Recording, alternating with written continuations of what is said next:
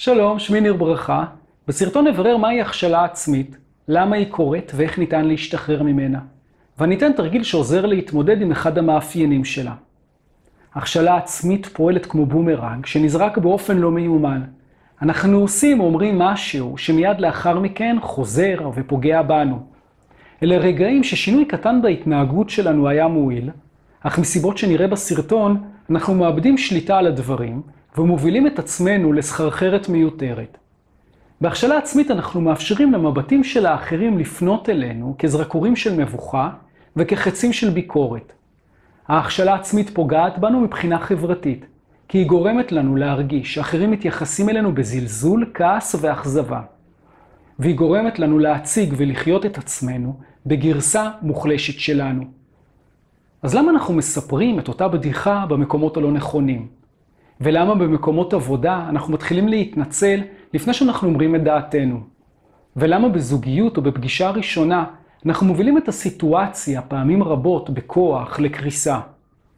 אז למה ברגעים מסוימים אנחנו פועלים נגד האינטרס שלנו ופוגעים בעצמנו, למרות שהיינו ממש רגע אחד לפני השגת המטרה? עכשיו, כדי להבין למה אנחנו פוגעים בעצמנו, אנחנו צריכים לחשוב במקביל על השאלה שתראה ברגע הראשון כפשוטה, אך האפקט שלה ילך ויתבהר לאורך הסרטון. והשאלה היא, למה מי שאינו יודע להטביע כדורסל לסל, נכשל כל פעם מחדש להטביע את הכדורסל לסל? ואנחנו גם נצטרך להזכיר לעצמנו שפעולות חברתיות מתרחשות בחברה.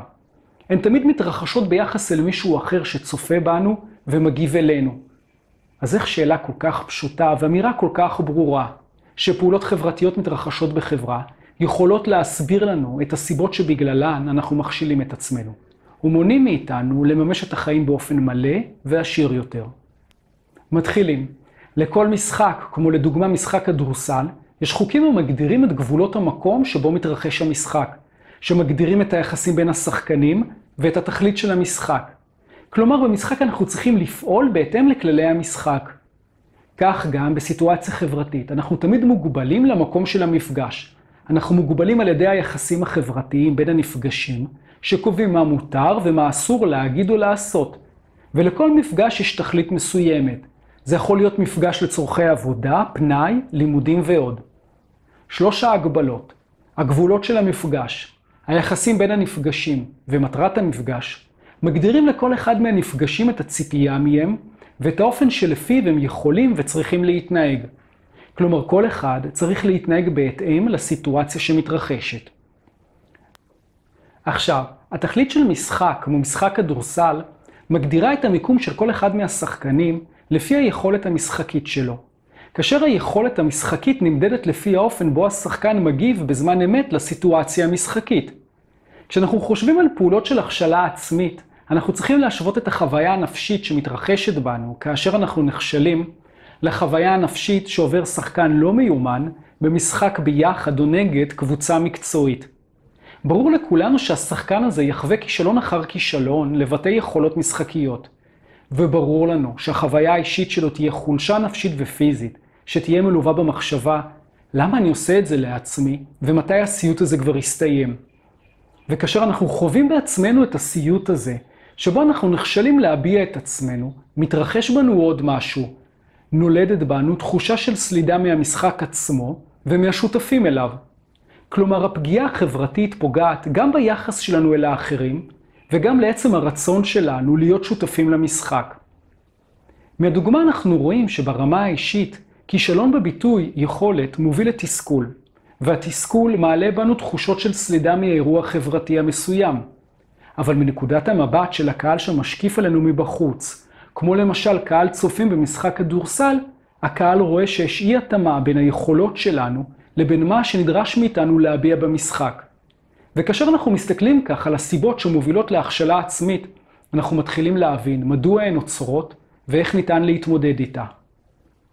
כל מתאמן יודע שכדי לפתח יכולות פיזיות, האימון חייב להיות שיטתי ולאורך זמן. והוא תמיד חייב להיות מותאם לרמה שבה נמצאים.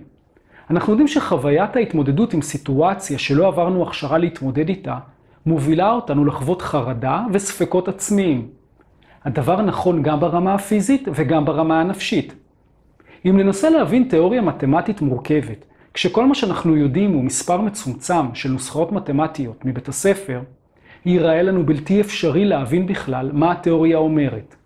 כך גם אם ננסה להתמודד באגרוף מול מתאגרף מקצועי. יראה לנו שזה מיותר בכלל לנסות ולהשתפר. וככל שהפער בין היכולת שלנו לנדרש גדול יותר, כך תעלום במחשבות שלנו ותכרסם בביטחון העצמי שלנו בעוצמה חזקה וכואבת יותר האמירה, שאין בכלל טעם להמשיך ולהתאמן. אנחנו רואים שכאשר הפער בין יכולת ההבעה שלנו ובין האירוע שבתוכו אנחנו נמצאים גדול, כלומר, שאין לנו יכולת אמיתית להתמודד עם הסיטואציה שאנחנו נדרשים לפעול בתוכה, מיד עולות בנו תחושות של אימה, של מועקה ותסכול. החוויות האלה מייצרות בנו תחושות של ניתוק מהמציאות החיצונית. כי אנחנו לא מצליחים להבין אותה ולהגיב אליה. כי אנחנו נמצאים תמיד באיחור ביחס לסיטואציה. בדיוק כמו שקורה כששומעים בדיחה בחברה ומבינים אותה באיחור. הצחוק המאוחר, שבא אחרי הצחוק של כולם, יוצר מבוכה שמרחיקה ומנתקת מהשאר.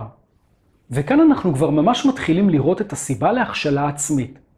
אמרנו שהכשלה עצמית זו פעולה שאנחנו עושים, שמובילה אותנו להכשיל את עצמנו מול אחרים, באופן שנראה כחסר סיבה, ושגורם לנו לשאול, למה אנחנו עושים את זה לעצמנו? אבל עכשיו אנחנו יודעים שכאשר יכולות הביטוי שלנו אינן עומדות ביחס ישר לסיטואציה שבה אנחנו נמצאים, אין לנו את היכולת לבטא את עצמנו, בדיוק כמו אותו שחקן שנכשל במשחק מקצועי. וכמו אותו שחקן, הכישלון מייצר בנו סבל ומועקה. הסבל ומועקה יוצרים בנו סלידה מהסיטואציה.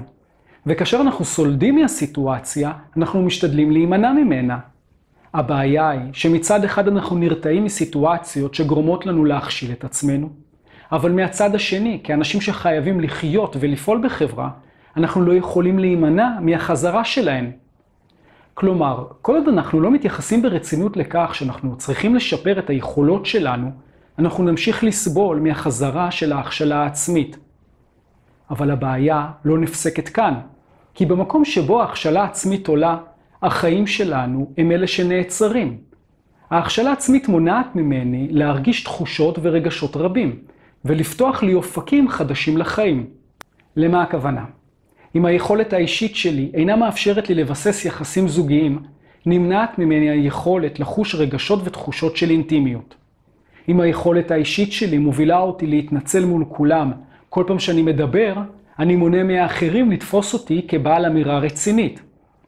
כאשר אני נכשל להביע את עצמי, אני מונע מעצמי לחוש את התחושה של ההצלחה להביע את עצמי, ואת מגוון האפשרויות החברתיות והאישיות שביטוי עצמי נכון היה פותח לי. ולמעשה מה שקורה הוא שהגבול של ההכשלה העצמית הופך להיות האופק של חוויית החיים.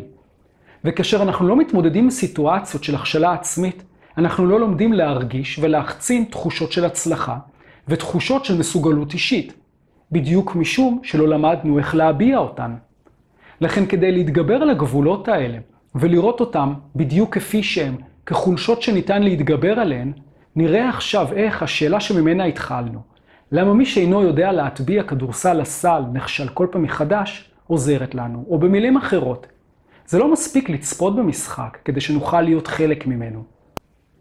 אז לתשובה, הכשלה עצמית נולדת בנו בעקבות אירוע בעבר שנכשלנו בו להביע את עצמנו, וחווינו את החרדה והמועקה שיצרו בנו את הפחד להתמודד עם הסיטואציה. הכשלה עצמית גם נולדת בנו בעקבות אירוע עתידי שמעולם לא התנסינו בו, והחשש שלנו הוא שיכולת הביטוי שלנו תקרוס. הכשלה עצמית נבנית בנו, כמו שהיא נבנית בילדה שנולדת לחברה מסורתית, שמונעת ממנה התפתחות אישית. הילדה נענשת כאשר היא מבטאת את עצמה באופן חופשי, שלא לפי הציפייה ממנה.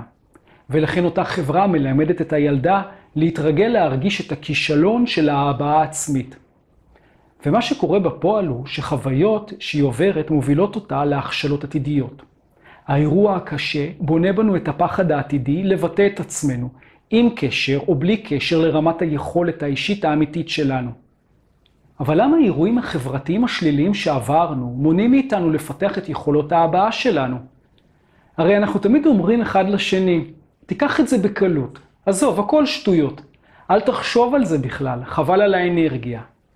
בדיוק כמו שהחוויה שמתרחשת במשחק מול קבוצה מקצועית, ובדיוק כפי שמתרחש עם הדוגמה של הילדה.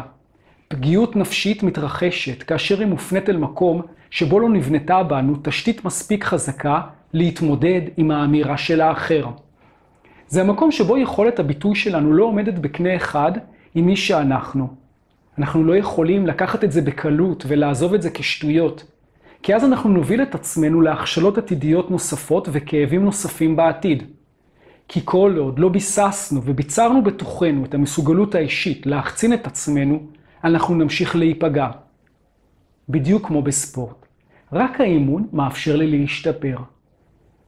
כפי שלא נצליח לקלוע לסל בלי ללמוד ולהתאמן על הטכניקה, כך גם לא נתגבר על מכשולים עצמיים אם לא נתאמן. ככל שהמרחק שאני יכול לרוץ ארוך יותר, כך משך הזמן שאני יכול לרוץ ללא קושי רב יותר. כאשר אני יודע לקרוא בלי כל מאמץ, רק עייפות או חוסר עניין יגרמו לי להפסיק לקרוא. הכוונה, מסוגלות אישית מונעת בזבוז אנרגיה נפשית על התמודדות עם מכשולים חברתיים. וכך הדבר בדיוק גם עם הכשלה עצמית. ככל שהמסוגלות האישית שלי להביע את עצמי גבוהה יותר, כך אני נמנע מהכשלה עצמית, כי יש לי את הכוח הנפשי להתנהל בהתאם למי שאני. לכן בשביל להשתחרר ממצבים בהם אנחנו מכשילים את עצמנו, אנחנו צריכים להתאמן על היכולת שלנו להביע את עצמנו. כי זה לא מספיק לדעת מה אני רוצה ולמה אני מסוגל. אני צריך לדעת איך לבטא את הרצונות והמסוגלויות שלי באופן משוחרר. לכן כדי להתמודד עם הכשלות עצמיות שפוגעות בנו באופן שיטתי, צריך תוכנית אימונים שבנויה לפי שלבים, שכל שלב מותאם ליכולות האישיות של המתאמן. כי אנחנו רוצים לשפר את היכולת שלנו להביע את עצמנו באופן חופשי ולאורך זמן רב יותר. אנחנו צריכים להתאמן על ההחצנה של יכולות הביטוי שלנו, כדי שנתרגל לחוש את הרגשות והתחושות של הצלחה של ביטוי אישי. בשביל למנוע מהן להציף אותנו, בשביל שנהנה מההבעה שלנו באופן חופשי, ונזכה לאפשרויות החיים החדשות שנפתחות עבורנו. עכשיו, לפני שאני מסיים, אחת הדרכים לתרגל התמודדות עתידית עם הכשלה עצמית, היא להתאמן על היכולת שלנו להגיב באופן חופשי וספונטני אל האירוע. ספונטניות נוגעת לצורך שלנו להתמודד עם המתח הנפשי שעולה באירוע, מתח נפשי ששואל את עצמו כל הזמן, איך אני ממשיך להביע את עצמי, ואיך החשש לא מוביל אותי להיסגר בתוכי. וצריך לזכור שהספונטניות אמיתית יכולה להתרחש רק כשיש איתנו לפחות עוד מישהו. לכן התרגיל שאני נותן הפעם הוא חלקי, כי אתם תעשו אותו לבד, אבל הוא בעל השפעה חשובה ביותר. התרגיל מחולק לשניים, ומומלץ לחזור על כל אחד מהתרגילים לפחות חמש פעמים. התרגיל הוא כזה, אתם בוחרים תוכנית או כתבה שבה מראיינים מישהי או מישהו. זו יכולה להיות תוכנית שמראיינת פוליטיקאים או סלבריטאים. אתם לוקחים מכשיר הקלטה ואתם מקשיבים לשאלה. ומיד שהיא מסתיימת, בלי לחשוב או לתכנן אתם, מתחילים לענות את התשובה שלכם. אם שואלים את השחקן איך הייתה החוויה לשחק בסרט, אתם מיד ממציאים תשובה. אם שואלים פוליטיקאי מה הוא חושב על התוכנית הכלכלית החדשה, אתם מיד עונים את התשובה שלכם. המטרה שלכם היא לנסות להרחיב כמה שיותר את התשובה ובאופן הגיוני. אתם עונים עד שתי דקות לתשובה, או עד שאתם נתקעים. אם נתקעתם, אתם לא חושבים על זה בכלל, ומיד עוברים לשאלה הבאה שמופיעה. לאחר שעניתם על לפחות שש שאלות, תקשיבו לעצמכם, תראו מה אתם אוהבים ומה לא, ותענו פעם נוספת על השאלות. אבל הפעם, במקום לענות את התשובה שאתם מזדהים איתה, תענו את התשובה שאתם לא מזדהים איתה.